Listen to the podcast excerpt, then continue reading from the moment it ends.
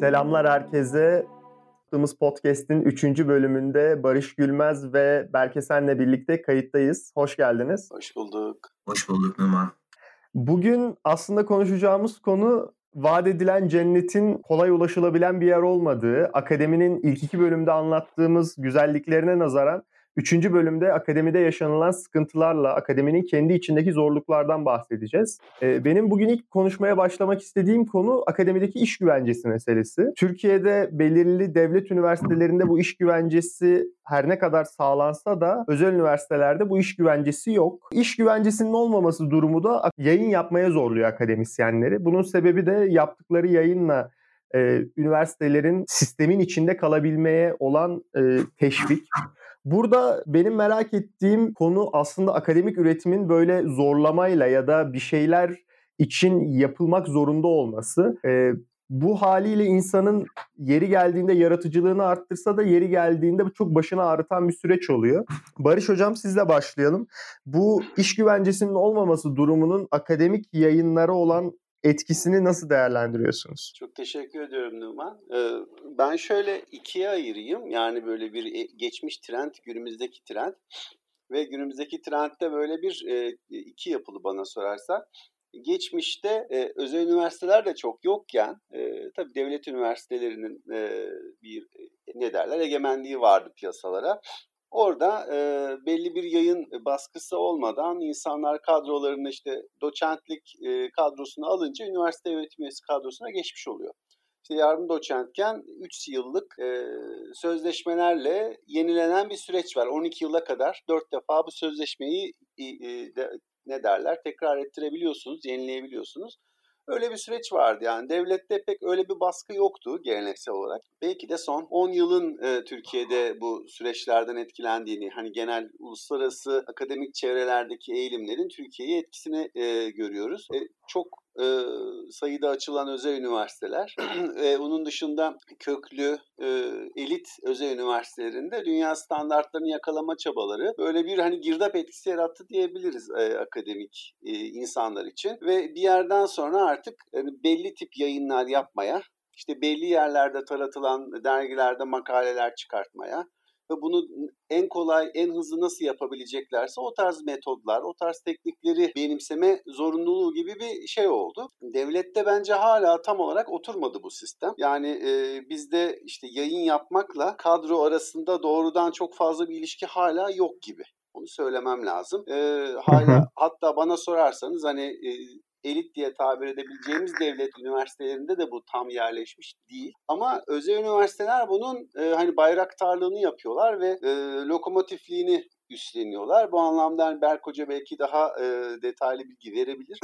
Günümüzde de dediğim gibi böyle bir ikili bir yapı var. Bir tanesi dediğiniz gibi publish or perish girdabına yakalanan bir e, kısım var Türkiye'de. Çünkü dünya e, akademik standartını yakalamaya çalışıyorlar ve onun getirdiği e, işte baskılar, fırsatlar neyse aynen onu alıyorlar ve kendi kontekstlerine uyarlamaya çalışıyorlar. Bu süreçte akademisyenler bayağı zor duruma düşüyor açıkçası. Dediğim gibi yani belki tam olarak yapmak istediği çalışmayı yapamıyor bundan dolayı. E, belli çünkü kıstasları var. İşini kaybetme e, korkusu var. Özel üniversitelerde yanlış bilmiyorsam hani kadro almak çok çok uzun zaman e, sürüyor. E, bir profesörlük de bile işte her iki senede bir yayın yapma telaşesi içerisinde olan hocalar biliyorum o e, kadroyu alamadıkları için. Bir iki senelik e, sözleşmelerle hayatlarını idame etmeye çalışıyorlar. Yanlış hatırlamıyorsam iki ya da üç yılda bir toplanan böyle bir e, kurullar var. İşte akademik performanslarını e, kontrol ediyorlar bu e, hocaların.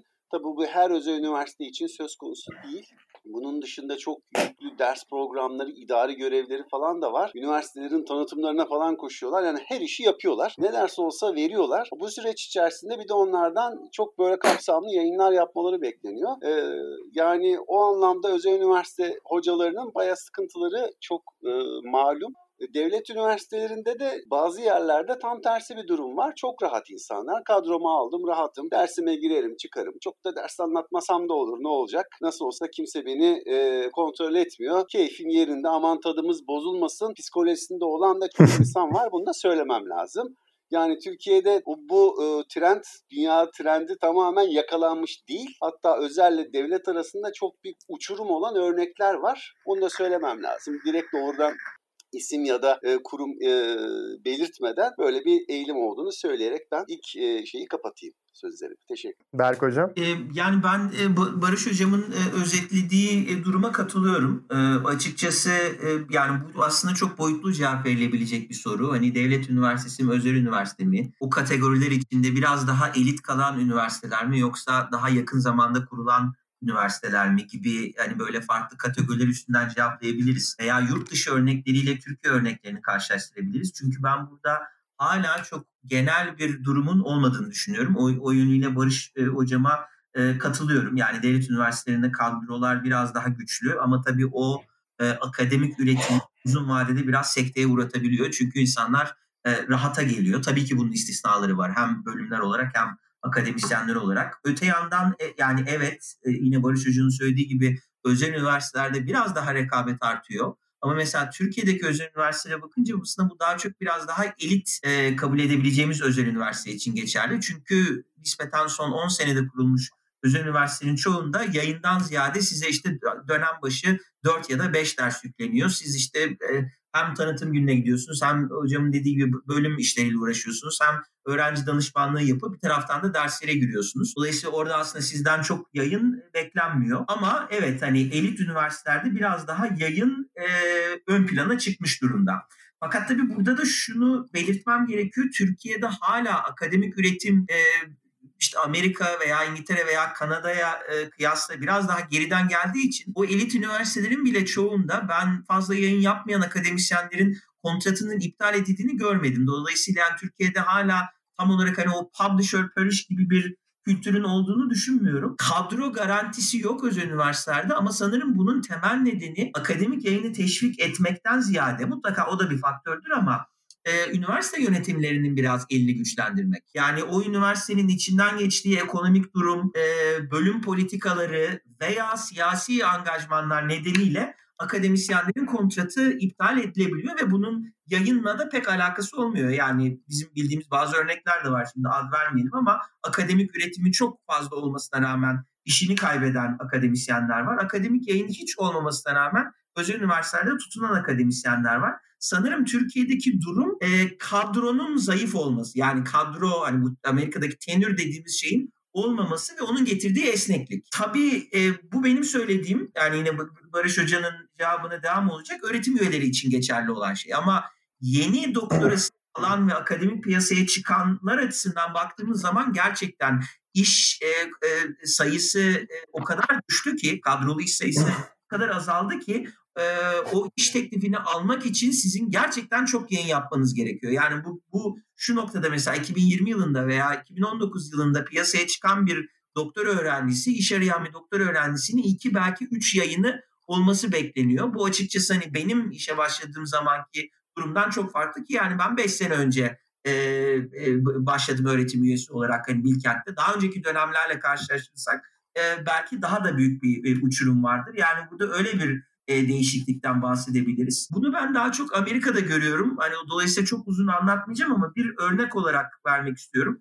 E, tabii şu an e, yani özellikle Amerika'daki üniversitelerde iş olanakları belli bölümlerde daha az olduğu düşünüldüğü için o bölümlere olan öğrenci tercihi azalıyor. Onun getirdiği o bölümler üstünde ciddi bir baskı var. Yani bunu daha çok humanities alanlarında görüyoruz ama işte antropoloji, felsefe, e, e, kadın çalışmaları ya, ya da böyle işte Hispanik çalışmaları veya e, African American çalışmaları bölümlerine şu an ciddi bir e, bir e, baskı var. Yani ekonomik sıkıntılarla birlikte gelen. Bunu Türkiye'de o oranda görmüyoruz ama özel üniversiteler açısından sanırım böyle bir dinamik e, hala devam ediyor. Yani onu da bir e, konu başlığı olarak e, gündeme Bir de son olarak kısaca hani şu tespiti yapmak istiyorum. Hani bu kadro olsun mu olmasın mı konusunda Hani tabii ki akademik kadronun akademisyenlere istediğini yazma, rahatça, korkusuzca e, e, e, araştırmasını yapma olanağı veriyor. Ama benim Türkiye'de gördüğüm kadro biraz bu şekilde kullanılmaktan ziyade e, iş yapmamak zaman içinde daha rahat bir tempoda e, çalışmayı getirebiliyor. Hani o açılardan da ben bunu biraz haksızlık olarak görüyorum. Yani akademinin dışında kalan sektörlerde sizin bir üretim yapmanız bekleniyor. O üretim ölçülebiliyor, takip edilebiliyor ve onun üstünden sizin iş performansınız değerlendiriliyor. Akademide bunu birebir de yapmak çok zor. Bunu kabul ediyorum. Yani mesela benim iyi ders verip vermediğimi, iyi referans mektubu yazıp yazmadığımı siz dışarıdan göremezsiniz. Akademik üretimde biraz görebilirsiniz ama orada bile zordur. E, dolayısıyla hani e, o, o iki ucu iyi değerlendirmek gerekiyor. Yani ben %100 garantili kadroya da karşıyım ama iki senelik böyle sürekli sizi istim üstünde tutacak kadro e, dinamine de karşıyım. Sanırım biraz ikisinin ortasını bulmak gerekiyor. Burada aslında bir takas diyeyim, trade-off var. Ee, bu trade-off'ta yani bir tarafta sizin rahat bir şekilde, daha doğrusu rahat bir şekilde akademik üretim yapan ve gerçekten hassas konulara değinen kadro güvencesiyle bu e, konulara girebilen insanlar varken diğer tarafta da bu kadro güvencesini kullanıp e, üretimlerine devam etmeyen ya da yavaş yavaş atıl konumda kalan akademisyenler var. Yani ben bu konuda net bir cevap veremiyorum ama yine de akademide kadro olmasının bir şekilde üretime dair e, pozitif bir getirisi olduğunu düşünüyorum. Değinilmesi gereken konulara değinebildiklerini düşünüyorum. Bunu tabii soyut manada yani teoride söylüyorum. Türkiye pratiğinde bu olmayabilir ama e, çok güzel bir konuya bahsettiniz. Buradan oraya bağlayacağım ben. Şimdi bu akademi piyasasını da bir iş piyasası olarak varsayarsak e, önceden yaklaşık bundan 20 yıl önce akademisyen olmak isteyen insan sayısı çok azken yani şu zamanla kıyasladığımda çok daha azken şu an bu sayı inanılmaz arttı. Ama akademideki iş imkanları bu kadar artmadı. Yani Berk Hocam sen bahsettin mesela. Sen e, doktora sonrası iş arama sürecine çıktığında senden iki yayın beklenmiyordu. Ya da bu kadar yayın performansı beklenmiyordu. Ama şu an doktora programlarında e, doktora zamanında SSCI'li bir dergide makale basmadan doktora mezunu olamıyorsunuz mesela. Hatta evet. yanlış bilmiyorsam siz Bilkent Üniversitesi'nde bunu şart olarak koşuyorsunuz. Evet, bu tip evet. bu tip bu tip e, doktora öğrencisinden ya da iş piyasasında bu tip aktif olması beklenen öğrencilerden e, aynı zamanda çıktıktan sonra işte yarı zamanlı çalışma çok yaygın mesela. İki tane üniversitede, üç tane üniversitede yarı zamanlı çalışıyor bu insanlar ve aynı zamanda 30'lu yaşlarına gelmiş e, normalde mezun olduğu arkadaşları özel sektörde çok daha yüksek ücretler kazanırken 30 yaşına kadar öğrenci olmuş ve 30 yaşından sonra da 3 tane farklı işte yarı zamanlı çalışması ya da 2 tane farklı işte yarı zamanlı çalışması beklenen insanlardan bahsediyoruz. Bu insanlar üstünde, akademisyen olmak isteyenler üstünde çok ciddi bir baskı oluşturuyor ama iş piyasası da buna mecbur bırakıyor. Bu konuda neler söylemek istersiniz? Hem iş güvencesinin olmaması hem mezun olduktan sonra çok uzun bir belirsizlik olması önünüzde insanların akademiye olan yönelmesini azaltıyor mu? Merak ediyorum açıkçası. Başlayalım Örş Hocam size. Ben daha önceden Berk Hocam'ın e, değindiği noktalarda aklıma gelen bir iki şey var. Onları da ekleyerek devam edeyim istiyorum. E, yani hani bu belirsizlik daha doğrusu şöyle. Akademik e, yani akademiye talebin artması sanki e, son belki de 20 yılın falan hikayesi Türkiye'de. E, çünkü işte ekonomik şartların gitgide e, sıkıntıya düşmesi, işsizliğin artması, eğitimli işsizliğin artmasından da kaynaklı olduğunu düşünüyorum ben. Yani e, biz öğrenciyken lisanstayken e, etrafımdaki arkadaşlarımın hemen hemen hiçbirisi akademiyi düşünmüyordu. E, ben hatırlıyorum yani işte o 90'lı yılların sonlarında falan 2001 krizi öncesinde bankacılık sektörü çok hani e, şeydi, e, popülerdi. E, yani bizim şeye fakülteye, bölüme falan bankacı temsilcileri gelirler. Dördüncü sınıflarla daha ayaklarına gelip e, mülakat yapıp iş teklifinde bulunurlardı. Yani öyle bir piyasa ortamı vardı. O zaman tabii çoğu insan e, yüksek lisanstır, akademidir. Bunları birazcık ne derler yük olarak görüyorlardı. Çok fazla düşünmüyorlardı ama 2001 e, ekonomik krizi ve ondan sonraki süreçte e, sanki hani e, piyasa iş piyasalarındaki sıkıntı ve bunun devam etmesi insanlar ister istemez e, ne derler e, akademik kariyer düşüncesine daha yakın hissetmelerine neden oldu. E, tabii ki normal şartlar, ekonomik şartlar kötüleşirken akademik iş imkanlarının iyileşmesini düşünemeyiz. Onlar da e, sıkıntıya girdi. E, palyatif çözümler yani dünya özellikle batıdaki e, akademide e, gördüğümüz palyatif çözümler Türkiye'de de uygulanmaya başlandı son e, belki 10 yıl içerisinde. Hani bunlar dediğin gibi Numan part-time ders verme pratikleri. Şimdi İngiltere'de mesela o tenür verdikleri, e, kadro verdikleri diyeyim e, Türkçe tabiriyle e, hocaların çoğuna doğru dürüst ders verdirtmemeye başladılar artık. Lisans ve yüksek lisans seviyesinde çok az kadrolu hoca gerçekten ders yüküne sahip. Onlara şöyle bir şey yaptılar işte dışarıdan doktorasını bitirmiş başka yani kadrosu olmayan akademisyenlere bu dersleri veriyorlar. İşte teaching fellow'luk falan gibi payeler veriyorlar. Okutmanlık diyebiliriz. Ben de bir sene yaptım bunu. Yani araştırmayla ders vermenin böyle bir yollarını ayırdılar. Türkiye'de de biraz ona doğru gidiyor gibi. Yani palyatif çözümler oluyor. Bunlar yamama yöntemiyle bir yandan işte e, ne derler e, asıl kadroyu e, araştırmaya sözde yönlendirirken onun dışında eksik kalan yerleri de yamamaya çalışıyorlar. Ee, Avrupa'da ve Amerika'da özellikle Avrupa'da bir de bu işin e, şey ne derler e, fon başvuruları işte projeler projelerden üniversitelere finansman getirme şeyi de var. Onlar da birçok yerde artık zorunlu hale geldi. E, Türkiye'de de özellikle özel üniversitelerde e, köklü özel üniversitelerde bu işin çok ciddi alındığını görüyoruz. Yani birçok projelere dahil birçok hoca e, ve yani bunlar mesela kadrolu işe alternatif olarak düşünülebilir olabilir. İşte postdoc imkanları, e, ondan sonra part time ya da full time belli dönemlerde projelerde çalışma. Bunlar alternatif palyatif çözümler olarak karşımıza çıkıyor. Yani ekonomi e, düzelmedikçe, yeni iş sahaları açılmadıkça e, ve tabii ki mezun ettiğimiz gençlerimize de nasıl iş imkanı bulacağız bunu da düşünmesi gerekiyor. Bunlar düşünmedikçe yeni okul açmak sadece işte doktoralı insanlara iş bulmak gibi bir şey oluyor aslında. Onun dışında hani kalıcı çözümler üretmedikçe bu akademi sektörü de düzelmeyecek zaten. E, palyatif çözümlere devam edilecek. Bu süreçte e, ben naçizane şöyle söyleyeyim yani hani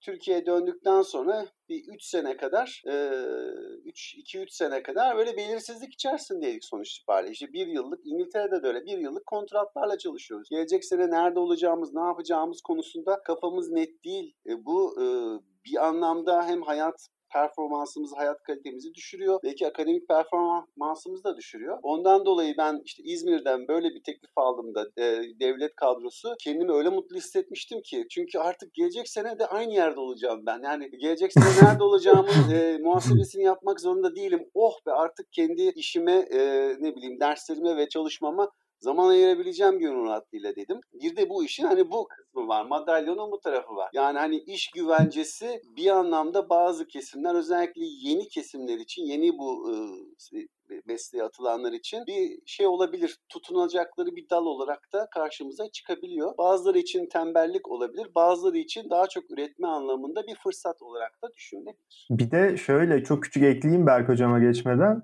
Yani bunu yaşadığınız yaşlar mesela 24-25 olsa işte yüksek lisansın yeni bittiği yaşlar ya da işte böyle doktoraya yeni başlanacak yaşlar vesaire o zamanlar biraz daha kaldırılabilir ve normal e, süreçler kabul edilebilir bunlar. Ama doktora bittiğinde en erken ihtimalle 30, 28, 30, 32 yaşlarında oluyor insanlar. Dolayısıyla o yaşlarda bu süreçleri yaşamak işte bu sene buradayım, seneye nerede olacağım ya da Mayıs ayı geldiğinde, Nisan ayı geldiğinde e, job talk'lara girmek vesaire. Bu tip şeyler insanın aynı zamanda üretiminden ziyade kaygısını da çok arttıran şeyler. Çok Dolayısıyla o orada nasıl bir mekanizma kurulabilir bilmiyorum ama daha uzun vadeli sözleşmelerle çalışmak belki de e, bu tip şeylerle orayı biraz daha güvenceli hale getirmek lazım. Ne dersin Berk Hocam? Ee, yani aynen katılıyorum e, Numan. Yani bence bu soru çok önemli bir soru. Türk sadece Türk Akademisi'nin değil genel olarak akademisyenlerin belki de kanayan yarası. Yani en önemli e, şu an karşılaştıkları e, bir iki problemden biri bence.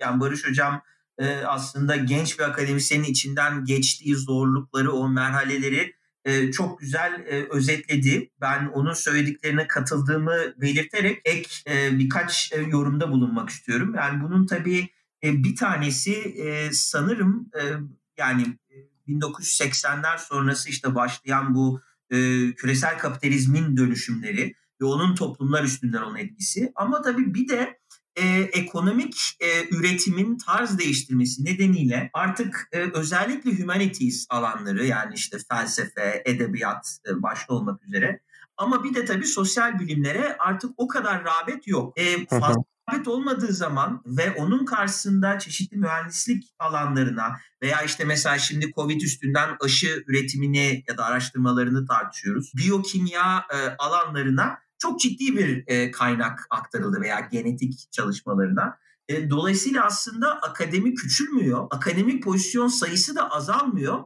Sadece kategoriler arasında değişiklikler oluyor ve sosyal bilimler ve humanities alanlarında e, iş sayısı e, ilgilenen öğrenci, doktor öğrencisi kadar artmıyor. E, yani onun arttığı gibi e, artmıyor. E, belki e, hani bunu e, bunu bunu bir tespit olarak e, gündeme getirebilirim. E, buna istisnalar var. Tabii ki özellikle dağıtılan fonlar e, son dönemde e, uluslararası sistemde önemli sorun olarak görülen konuları çalışan e, hocalara gidiyor ya da çalışılan konulara gidiyor. İşte göç olabilir, terörizm olabilir. Ama onun dışında kalan birçok alanda aslında sizin dışarıdan sosyal bilimci olarak veya işte felsefeci olarak veya edebiyat çı olarak e, dışarıdan en inform bulmanız çok zor. E, öyle olunca devlet üniversiteleri için de geçerli ama özellikle tabii özel üniversiteler açısından e, bu tarz bölümler e, yeterince ilgi yok öğrencilerden. E, dolayısıyla kotayı, kadroyu doldurmak, şey, öğrenci kotasını doldurmak giderek zorlaşıyor. E, dışarıdan fon bulamıyorsunuz. E, o zaman sürekli e, zarar eden bir bölüm olarak bakıyorsunuz. Yani ben bu bakış doğrudur anlamında söylemiyorum. Sadece akademi piyasasındaki hani son dönemki dinamiği göstermek açısından e, söylüyorum. O da tabii ciddi bir baskı getiriyor. Buna ilaveten bu aslında söylediğim çok genel bir durum. Yani mesela Amerika'daki üniversitelerin de çoğuna bakarsanız e, üniversite başkanları e, mühendislik alanlarından geliyor. E, bu yavaş yavaş artık e, Türkiye'deki özel üniversitelere de yayılıyor devlet üniversiteleri nispeten seçim süreci olduğu için yakın zamana kadar tıpçılar eğer tıp fakültesi varsa e, e, üniversite başkanı oluyordu yani rektör oluyordu ama e, e, şimdi biraz böyle bir durum var ama Türkiye özelinde sanırım şunu da gündeme getirmek gerekiyor. E, Türkiye'de yani son özellikle 5 senedeki bu artan sağ popülizm, anti entelektüelizm ve tabii yani otoriterleşme akademik sektörün e, akademi sektöründeki kaynak dağıtımını da çok verimsiz hale getirdi. Yani atıyorum işte e, ya örnek veriyorum e, ilahiyat kadroları giderek şişerken siz aslında toplumun çok daha ilgilendiği alanlardaki bölümlere kadro açmıyorsunuz. E şimdi devlet üniversiteleri bu dinamikten geçiyor. Kadro açılmıyor birçok bölümde. Özellikle de büyük şehirlerde nispeten muhalif olarak bilinen üniversiteler. E özel üniversiteler söylediğim piyasa dinamikleri üstünden ciddi bir e, baskı altında. Bu da tabii iş piyasasını çok daraltıyor. Bu e, e, ortada hani akademik işlerin giderek azalmasına yol açıyor. Öte yandan e, Barış Hocam demin biraz değinmişti. E, yani bizim kuşağımızda akademisyenlik hala özellikle sosyal bilimler alanında çok popüler değildi. Ama e, geçen seneler içinde yani yakın zamana geldiğimiz zaman bu çok arttı. Yani öğrenciler sosyal bilim e, alanlarında doktora yapmak istiyor. Çünkü sanırım nispeten önlerinde gördük, gördükleri olumlu örnekler üstünden bakıyorlar. Yani işte ben de giderim yurt dışında doktora yaparım. 31 yaşında 32 yaşında doktoramı bitirir gelirim. O burada güzel bir üniversiteye girerim. E, maaşım iyi olur. E, senede de 2-3 defa konferansa giderim gibi. Böyle bir aslında çok az kişinin başına gelen olumlu bir örneği çok genelleştiriyorlar. Buradan bir talep oluyor. Üniversiteler açısından da bakınca yani bu bence yurt dışındaki üniversite için de geçerli.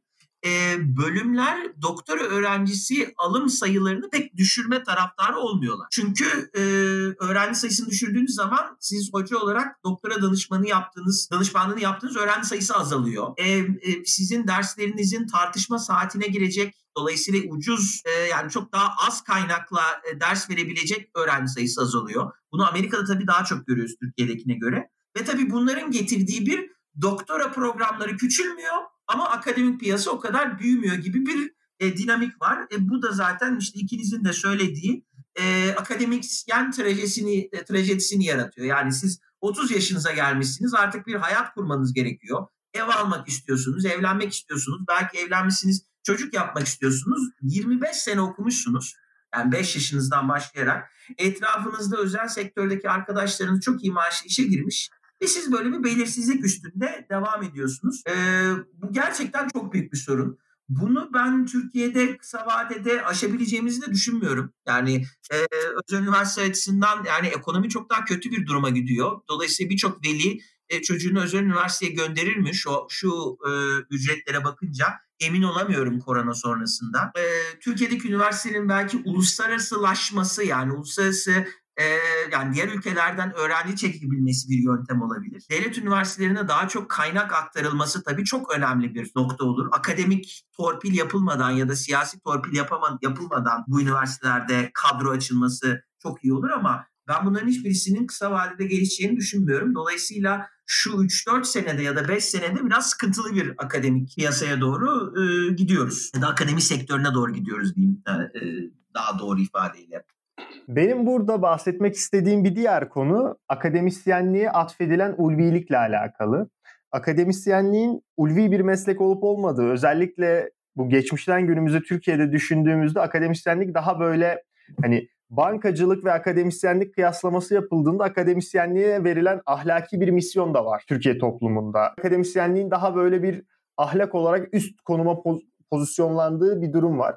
Aynı zamanda bunun getirdiği belirli sıkıntılar da var. Mesela geçtiğimiz günlerde Doğan Gürpınar'ın Daktilo'da ses getiren bir yazısı oldu. Bu akademisyenleri eleştiren de bir yazıydı. Ulvilik üstünden belki de eleştirmiyordu ama genel olarak bahsettiği şey bu akademik dünya, akademi dünyasının kendi içindeki sorunlardan ziyade akademisyenlerin sorunlarıydı. Burada Doğan Gürpınar sistemsel bir kısıt koymadı. Yani hali hazırdaki akademisyenlerin yaşadığı durumu verili olarak kabul etti ve bunun üstünden akademisyenlere belirli eleştiriler getirdi. Bu yazı hakkında neler söylemek isterseniz siz? Berk Hocam sizle başlayalım. E, yani yazı sanırım Doğan'ın tahmin ettiğinden daha çok ses getirdi ve özellikle de çok negatif bir ses getirdi. E, ben bunu bir noktaya kadar anlayabiliyorum. E, çünkü yazının yazılış tarzı biraz polemik içerdiği için hani Huntington veya Fukuyama vari bir yazı olmuş. E, onlar da tabii yani o yazılar da aynı şekilde bunun gibi çok sert tepki getirdiler ve bir noktadan sonra karikatürize edilmeye başladılar. Bu sanırım Doğan'ın yazısının da başına e, gelen durum. Şimdi ben yazıyı ilk okuduğumda yani şunu dedim e, doğru noktalara değinmiş. Yani benim katıldığım bazı noktalar var. Fakat e, yani artık e, amacını aşacak derecede genellemeler içerdiği için e, bir noktadan sonra aslında o güzel noktalar ya da doğru olabilecek noktalar arada kayboluyor ve çok insanları kategorize eden ve e, abartan bir yazı haline e, e, getiriyor. Yani bir böyle bir genel analizle e, açayım. E, biraz daha onun söylediği noktalar üstünden bakınca yani evet özellikle 12 Eylül öncesi akademisyen kuşağında tabii o sosyal bilimler için söylediğini yazdığını ya da humanities için yazdığını da belirtmek gerekiyor gerçekten hani iyi okullara gitmiş olan, işte iyi liselere veya iyi üniversitelere gidip yabancı dil öğrenmiş olan, işte özellikle İngilizce ama tabii bir noktaya kadar Fransızca akademisyenlerin e, tabii işi daha kolaydı. E, ve buna sahip olan akademisyenlerin çoğu da nispeten üst, orta sınıf ya da elit ailelerden geldiği için sosyal bilimler alanında akademisyen olmanın sınıfsal bir boyutu da vardı. Herkesi ben bunu açıkladığını düşünmüyorum her vakayı. Ama bu tespiti de tamamen yanlış görmüyorum. Ee, yine tabii buna bağlı olarak e, tabii akademisyenlerin çok rekabetçi ol, olmayan ortamlarda rahat iş bulup rahat yazdığı bir dönem vardı. Ben bunun çok yakın zamana kadar da geçerli olduğunu düşünüyorum. Yani 2000'lere kadar bence o e, birçok kişinin e, kariyerini açıklar. Ama bu sanırım akademiye özel bir şey değil. Yani Türkiye'de basın sektöründen e, bankacılığa kadar e, aynı durum geçerli. Yani işte çok da ad vermeyeyim ama e, hani mesela benim bildiğim işte Robert Kolej mezunu 70'lerde e, İsviçre'de üniversiteye gitmiş biri sonra basın dünyasında çok meşhur oluyor. Ve aslında yaptığı şey ağırlıklı olarak İsviçre'de, Fransa'da gördüğü dergilerin Türkiye versiyonunu yapmak. Yani biraz İtalikammeci model. Şimdi dolayısıyla hani Doğan'ın söylediği şey sadece akademiye özgü bir şey değil. Ee, ama bunun çok ciddi istisnai örnekleri de vardı. Yani çok düzgün akademik yayın yapan, rekabet eden, dünyayı takip eden 12 Eylül öncesinde isimler vardı. Biraz ben Doğan'ın onlara haksızlık yaptığını düşünüyorum. Ama sanırım temel haksızlığını bu kuşak akademisyenlerine yapıyor. Ee, yani onun Twitter üstünden e, kimleri kastettiğini bilmemekle birlikte hangi tipolojiyi kastettiğini gözümün önüne getirebiliyorum. Ve gerçekten böyle bir tipoloji var. Yani doğru düzgün akademik üretim yapmayan ya da yaptığını sürekli paylaşan ve sürekli Twitter'da ona buna laf atan ya da ona buna şirin görünmeye çalışan bir grup var. Ama ben bunun çok küçük olduğunu düşünüyorum. Yani akademi Twitter'ını da ben e, içeren e, bir şey e, yani doğru bir analiz olduğunu düşünmüyorum. Fakat yazının temel eksiği ki bunu sonra gündeme getirenler oldu. Türkiye şartlarında bakacak olursak akademisyenlerin yaşadığı temel sorunları göz ardı etmesi. E, o temel sorunlar bence e, Doğan'ın e, belirttiği problemlerden çok daha önemli. E, bunun içinde işte demin e, e, tartıştığımız ekonomik sıkıntılar var. Yani çok fazla iş yok, siz işe giremiyorsunuz uzun süre postdoc yapıyorsunuz, yarı zamanlı hoca olarak çalışmak durumunda kalıyorsunuz. Güvencesiz bir ortamda sürekli fonlara başvuruyorsunuz, iş başvurusu yapıyorsunuz ve kendinizi tanıtmak için Twitter'ı bir mecra olarak kullanıyorsunuz.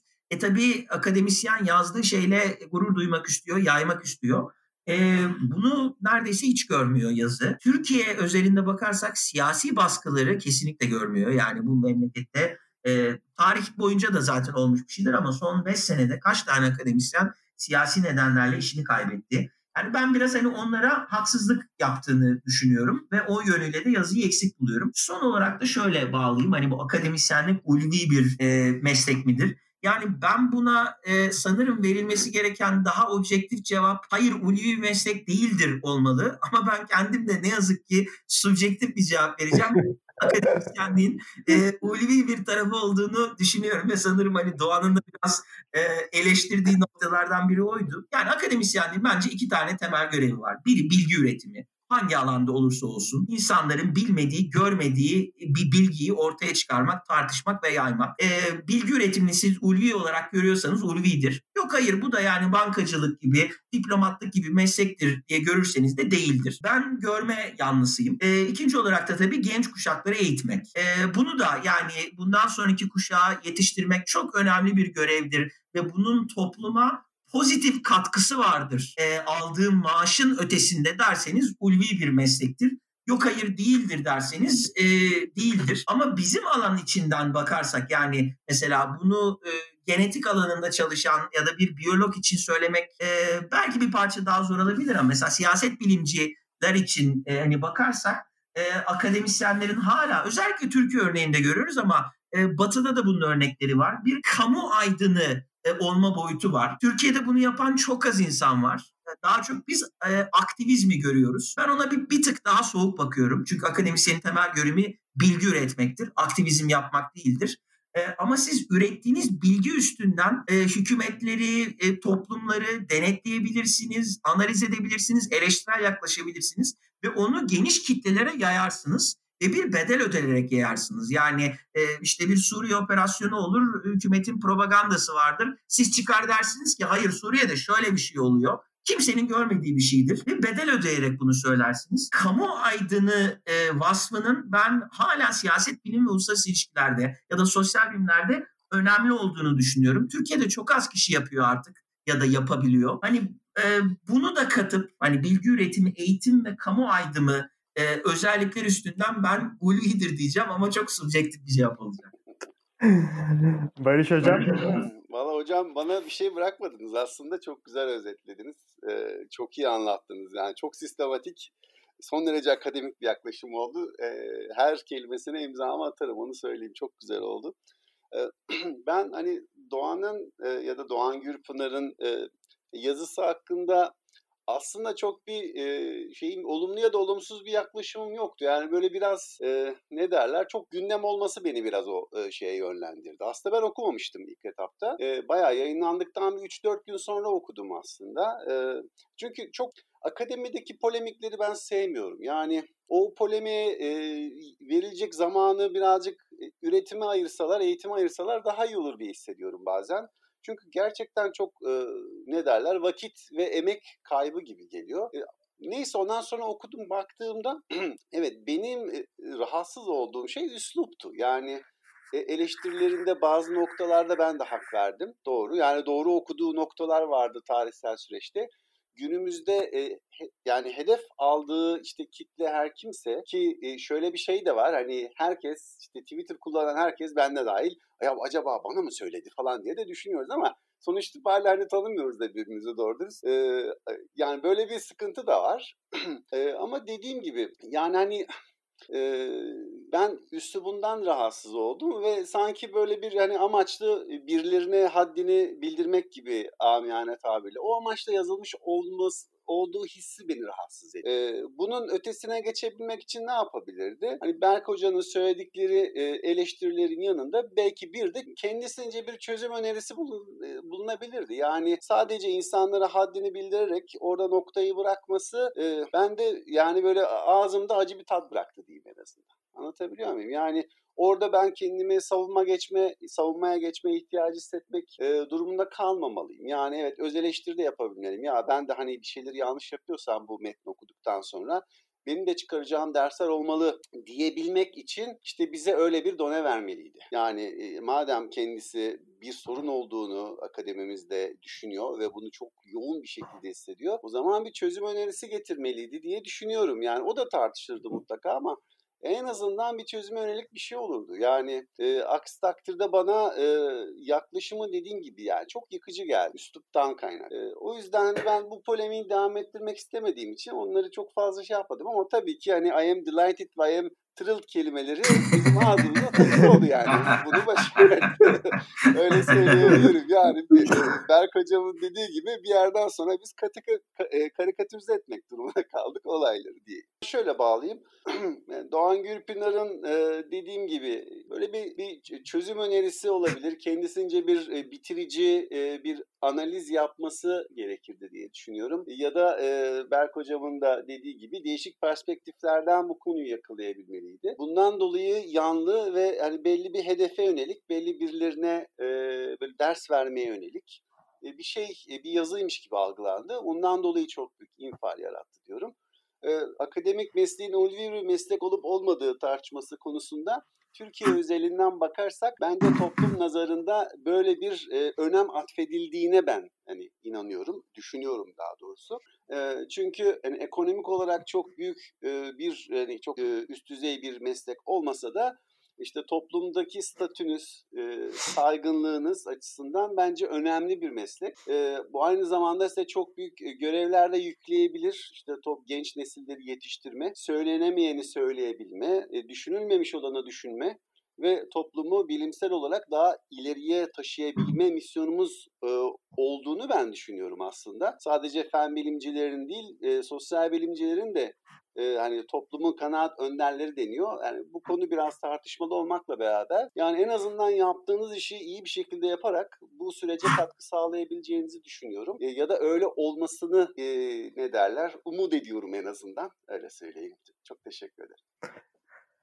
Benim küçük bir ekleme yapmak istiyorum ben. Yani ben yazıdan sizin çıkardıklarınıza benzer ama biraz da farklı bir şey çıkartmıştım. O da şu.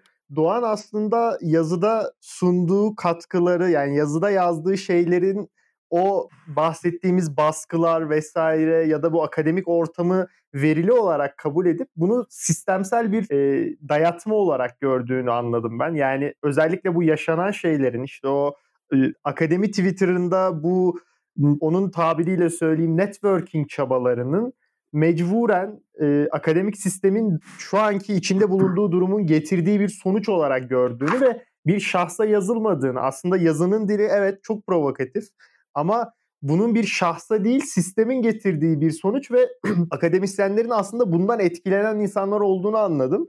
Ama e, yazı evet çok polemik yarattı ve bilmiyorum yani bunun devam etmesi iyi mi kötü mü ya da bir sonuca bağlanır mı bundan emin değilim. Yine de akademi yani Türkiye Akademisi'nde Türkiye Twitter'ında böyle tartışmaların neşet etmesi benim hoşuma gidiyor açıkçası. Çünkü e, Türkiye Akademisi uzun zamandır böyle şeyler görmedim ben Türkiye Akademisi'nde. Böyle tartışmalar görmemiştim.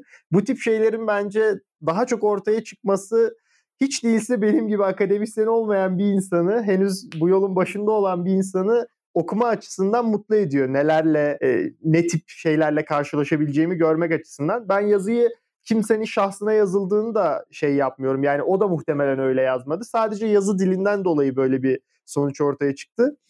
E, bu bölümü kapatıyoruz. Ufak bir mini bölüm çekeceğiz bundan sonra. O da akademideki bilgi üretimi ile alakalı. E, ama diğerleri kadar uzun olmayacak. Barış Hocam, Berk Hocam katkılarınız için çok teşekkür ederim. Biz çok teşekkür ediyoruz. Biz teşekkür ederiz Numan. Çok sağ ol.